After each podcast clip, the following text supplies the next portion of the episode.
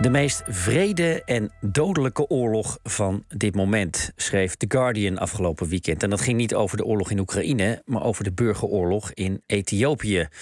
De humanitaire crisis in de regio Tigray loopt totaal uit de hand, zei de secretaris-generaal van de Verenigde Naties ook onlangs. Er zijn al honderdduizenden mensen omgekomen als, het, als gevolg uh, van deze oorlog. Toch is er wel één lichtpuntje. Vanaf vandaag gaan de strijdende partijen met elkaar praten. Contact met Afrika-correspondent Joost Basmeijer in Nairobi. Joost, goedemiddag. Goedemiddag. Laten we beginnen met de situatie op de grond uh, in Tigray. Jij zit in het buurland van Ethiopië, Kenia. Uh, wat kun je over die situatie vertellen? Hoe is het daar nu? Ja, die situatie is daar wel erg schrijnend hoor. De oorlog die blijft eigenlijk maar burgerslachtoffers maken. En volgens de Universiteit van Gent zijn er al tussen de 380.000 en 600.000 burgers gedood. Het overgrote deel van die slachtoffers dat, eh, die zijn eigenlijk overleden aan een gebrek aan medicijnen en eten. Dus nog niet eens uh, door de strijd of, of, of door bombardementen. Uh, er worden oorlog, uh, oorlogsmisdaden gepleegd. Uh, er is veel seksueel geweld tegen burgers. En dat getal dat ik net noemde, dat is nog maar een schatting... omdat onderzoekers en journalisten bijna geen toegang hebben tot die regio... in het noordwesten van Ethiopië. En dat is eigenlijk ook een van de redenen dat je er niet zoveel over hoort of leest. Nee, dus het is daardoor heel moeilijk om, om informatie te krijgen... en dus ook een goed beeld te krijgen hoe de situatie momenteel op de grond is. Um, we hebben daarom contact gezocht met Fasika Amdeslassi. Dat is een chirurg in een van de grootste ziekenhuizen... in uh, de regio-hoofdstad in Tigray, dat is Mekele. En uh, onze collega Edwin Koopman sprak hem en vroeg hem om de situatie daar in dat ziekenhuis te beschrijven. The situation in our hospital is uh, very desperate. It has been like that for the last 17 months. Though getting worse and worse. De situatie hier is wanhopig, al 17 maanden en het wordt steeds slechter. We hebben 50 dagen geleden de operaties moeten stopzetten. We doen alleen spoedoperaties en dat is al ingewikkeld. We do not have intravenous fluids, so we cannot uh, resuscitate patients. We hebben patiënten zien sterven omdat we geen intraveneuze vloeistoffen hebben. En we hebben geen zuurstof. We hebben patiënten zien sterven wegens zuurstofgebrek. Oxygen, as in suffocation. Een van de grote problemen is uh, het gebrek aan medicijnen. Hoe, hoe, hoe doet u dat als arts? Seeing patients, not being able to treat them. Geen medicijnen betekent patiënten zien, maar ze niet kunnen behandelen. Kankerpatiënten zien die chemo nodig hebben, die je niet kan geven en ze zien sterven. Opereren zonder antibiotica, waardoor er infecties komen en zien dat mensen sterven aan complicaties.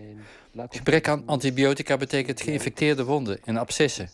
Gebrek aan medicijnen betekent diabetes zien met complicaties door gebrek aan insuline. Gebrek aan chemotherapie en operatiemogelijkheden betekent patiënten zien sterven door kanker. Uh, getting advanced and killing patients. Hoe is de stemming onder de mensen? We are seeing the conflict escalating. So the little hope we have that. Uh, Het conflict escaleert dus. De weinige hoop die we hadden op vredesoverleg is verdampt. De mensen zijn wanhopig en neerslachtig.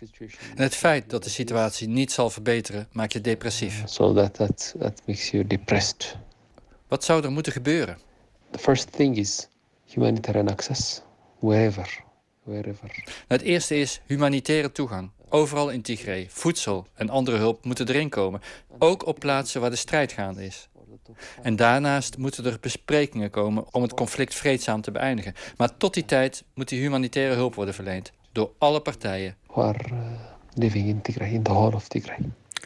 Dokter Anders Lassie hoorde u uh, vanuit Tigray. Schrijnende verhalen vertelde die uh, Joost. Ik praat met jou nog even verder hierover. Um, als we even kijken naar de oorzaken hè, van deze oorlog. Want uh, je, je kan de strijd omschrijven als een strijd tussen het Tigrayse bevrijdingsfront, de TPLF, en de federale regering. Tigray is trouwens een regio in het noorden van Ethiopië. Hè. Wat wil dat bevrijdingsfront precies? Wat, wat proberen ze te bereiken?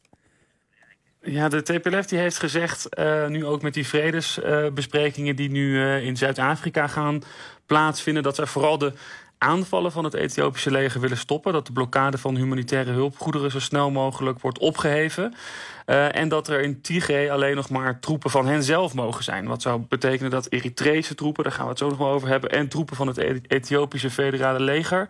zich moeten terugtrekken tot, het, tot, tot, de, tot buiten de grenzen van, uh, van Tigray. Het is de TPLF dus eigenlijk te doen om meer onafhankelijkheid, deels. Zij zijn decennia lang de partij geweest die het voor het zeggen had in Ethiopië. zij, hebben heel lang, zij zijn heel lang aan de macht geweest. Mhm. Ze voerden in die periode ook nog een oorlog met Eritrea. En dat veranderde eigenlijk allemaal toen premier Abiy Ahmed, de huidige premier van Ethiopië, aan de macht kwam. Die maakte een einde aan de heerschappij van de TPLF. En de spanningen tussen die twee partijen liepen daarna hoog op. Onder meer toen de TPLF toch verkiezingen wilde houden. Uh, die uh, Abiy Ahmed juist had uitgesteld. En het werd een gewapend conflict toen de TPLF eigenlijk een uh, militaire basis of een, of een opslagdepot van het Ethiopische leger aanviel. Naar eigen, zeggen, naar eigen zeggen was het trouwens een daad van verdediging. Want zij zeiden, hmm. we gaan binnenkort worden aangevallen, dus wij vallen alvast die basis aan. En, en het gaat de Tigre's trouwens niet alleen om, om meer autonomie in hun eigen regio, Joost. Hè? Ze willen eigenlijk nog veel meer. Ja, nee, ze, ze hebben het dus al heel lang voor het zeggen gehad in Ethiopië. Er zit heel veel geld in die regio, heel veel macht, heel veel wapens. Ook doordat Tigray uh, grenst aan Eritrea. Dus dat grensconflict, dat, die oorlog die jaren heeft gewoed... die woede ook in dat, uh, in dat gebied. Um, dus ze willen eigenlijk uh, ook economisch gezien zelfstandig zijn en zich tegen de landelijke economie aan bemoeien. Um, maar dat is juist eigenlijk iets waar, waar, waar die andere Ethiopiërs uh, juist tegen ageerden. Want uh, zij vinden dat zo'n kleine club niet moet bepalen wat, het, wat er in het hele land gebeurt.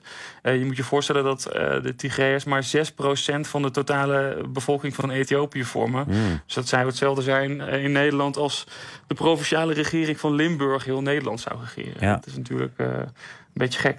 Hoe dan ook is die strijd dus nog altijd uh, gaande. Uh, ontzettend veel mensen zijn erdoor omgekomen. Um, er was even een wapenstilstand, daar kwam in augustus een einde aan. Vandaag dus die poging tot vredesbesprekingen. We hadden het er net al even over. Wat denk je, heeft dat kans van slagen? Het is trouwens in Zuid-Afrika, waar de strijdende partijen elkaar ontmoeten. Wat verwacht je daarvan? Ja, bij zo'n gesprek krijgt natuurlijk geen van, geen van beide partijen wat hij wil. Uh, dus de kans is uh, niet aanwezig dat een van die twee partijen zich overgeeft of zo. Uh, wel zie je dat Abiy Ahmed sterk, er sterk voor staat. Hè. Zijn leger heeft de afgelopen weken uh, steeds verder opgerukt naar Mekelle... waar ook die arts die, die jullie net lieten horen zit. dat is de hoofdstad van Tigray. En zij namen een paar strategisch hele belangrijke plekken in. maar of er vrede komt en hoe lang die dan moet gaan duren... dat durf ik eigenlijk nog niet te zeggen. Nee, Um, en hoe komt Ethiopië dan weer aan zijn wapens? Hoe, hoe, zorgen zij ervoor dat zij dus, of het leger zo kunnen uitrusten dat ze dus wel degelijk in staat zijn om nu uh, voortdurend steeds verder op te rukken? Ja, ik zei net al, die, die, dat Ethiopische leger heeft dus de afgelopen weken met name enorm veel winst uh, geboekt. En dat komt eigenlijk vooral door de drones die ze hebben gekregen of, of, gekocht um, van Iran en Turkije. Um, daar zetten bedrijven die wapens maken en uh, die, leveren ook drones. Uh, die hebben Ahmed eigenlijk de wind in de rug gegeven de afgelopen weken, waardoor hij nu dus de overhand heeft in het conflict. Maar het heeft ook een duidelijke keerzijde, die drones. Want bij de aanvallen van die dingen uh, zijn ook heel veel burgers gedood. Hmm. Um, de Verenigde Staten heeft trouwens aangedrongen, hè, Joost, op, op die onderhandelingen die nu uh, plaatsvinden vanaf vandaag. Uh, minister van Buitenlandse Zaken Blinken uh, was heel erg aanwezig ook. bemoeide zich heel duidelijk met de strijd die gaande is.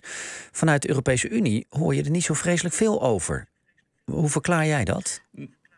Nou, ik denk dat de Europese Unie toch vooral bezig is met hun eigen conflict in, uh, in Oekraïne. Wat op zich natuurlijk ook wel logisch is. Daar gaat veel aandacht naar uit. Dat zie je internationaal zie je natuurlijk ook. Um, Zowel de Verenigde Staten als Europa hebben trouwens wel een speciaal gezant in de Hoorn van Afrika zitten. En beide hebben opge opgeroepen tot de-escalatie van die gesprekken, eh, van, van, de, eh, van het conflict en gesprekken tussen de strijdende partijen.